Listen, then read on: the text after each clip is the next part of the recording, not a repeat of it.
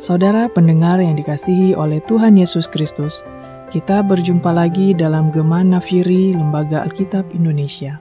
Kita akan merenungkan bersama firman Tuhan yang diambil dari surat Roma pasal yang 6 ayat 14 sampai 23. Kiranya bacaan ini dapat menjadi berkat bagi kita semua. Sebab kamu tidak akan dikuasai lagi oleh dosa, karena kamu tidak berada di bawah hukum Taurat, tetapi di bawah kasih karunia. Jadi, bagaimana? Apakah kita akan berbuat dosa karena kita tidak berada di bawah hukum Taurat, tetapi di bawah kasih karunia? Sekali-sekali tidak. Apakah kamu tidak tahu bahwa apabila kamu menyerahkan dirimu kepada seseorang sebagai hamba untuk mentaatinya, kamu adalah hamba orang itu yang harus kamu taati, baik dalam dosa yang memimpin kamu kepada kematian, maupun dalam ketaatan yang memimpin kamu kepada kebenaran. Tetapi syukurlah kepada Allah, dahulu memang kamu hamba dosa, tetapi sekarang kamu dengan segenap hati telah mentaati pengajaran yang telah diteruskan kepadamu kamu telah dimerdekakan dari dosa dan menjadi hamba kebenaran. Aku mengatakan hal ini secara manusia karena kelemahan kamu, sebab sama seperti kamu telah menyerahkan anggota-anggota tubuhmu menjadi hamba kecemaran dan kedurhakaan yang membawa kamu kepada kedurhakaan, demikian hal kamu sekarang harus menyerahkan anggota-anggota tubuhmu menjadi hamba kebenaran yang membawa kamu kepada pengudusan. Sebab waktu kamu hamba dosa, kamu bebas dari kebenaran. Dan buah apakah yang kamu petik daripadanya? Semua itu menyebabkan kamu merasa malu sekarang, karena kesudahan semua itu ialah kematian.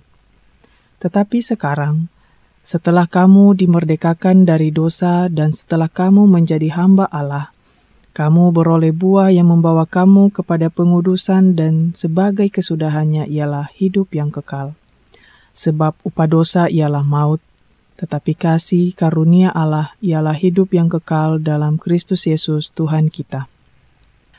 Firman Tuhan yang kita baca pada minggu ini mengingatkan kembali bahwa kita adalah orang yang telah dimerdekakan dari dosa oleh Tuhan Yesus Sang Juru Selamat. Sikap mementingkan diri sendiri, pikiran yang tinggi hati dan negatif harus kita buang jauh karena kita telah beroleh keselamatan. Roh Kudus menggerakkan kita menjadi positif dalam melihat sesuatu, menilai sesuatu, dan berbuat sesuatu. Ketika hati dan jiwa kita terfokus untuk mencari Allah dan kerajaannya, maka Roh Kudus akan senantiasa memimpin kita. Allah adalah prioritas dalam kehidupan kita. Ketika kita memuliakan Allah dengan pelayanan yang setia, maka segala hal akan ditambahkan kepada kita. Visi dari Allah memberikan inspirasi kasih, iman, dan pelayanan serta ketekunan. Jelas dinyatakan dalam kitab Yesaya pasal 55 ayat 8 sampai 9 yang berbunyi, Sebab rancanganku bukanlah rancanganmu, dan jalanmu bukanlah jalanku. Demikianlah firman Tuhan. Seperti tingginya langit dari bumi, demikianlah tingginya jalanku dari jalanmu, dan rancanganku dari rancanganmu. Sebagai anak-anak Tuhan, kita diminta untuk membawa perubahan dan terobosan, terutama dalam memberi kesaksian. Kesaksian yang berbeda membuat orang lain mendekat dan ingin mengenal Kristus. Misalkan, Anda memiliki hobi unik yang berbeda dengan yang lain. Melalui karya tersebut, Anda dapat bersaksi dan menjadi berkat bagi sesama. Saudara yang terkasih, marilah kita mempergunakan kesempatan yang Tuhan berikan pada kita selama kita masih diberi waktu 24 jam sehari diberi kesehatan, diberi akal budi, dan berkat-berkat lainnya untuk bersaksi dan memuliakan Tuhan. Kadangkala kita berdalih tidak punya waktu untuk melayani, entah itu di gereja, di masyarakat, atau di lingkungan pekerjaan. Padahal kita punya waktu banyak untuk bergaul, untuk menonton televisi, atau sekedar berjalan-jalan. Mari kita ubah kebiasaan kita yang masih mengutamakan kedagingan dan kembalilah pada visi kita sebagai anak-anak Allah untuk melayani dan bersaksi bagi orang lain. Pekerjaan yang kita kerjakan bertujuan untuk memenuhi kebutuhan fisik akan makanan, pakaian, tempat tinggal, kesehatan, pendidikan, dan lainnya. Selain daripada itu, Allah juga mempergunakan pekerjaan kita untuk memenuhi kebutuhan spiritual yang kita alami sepanjang hari.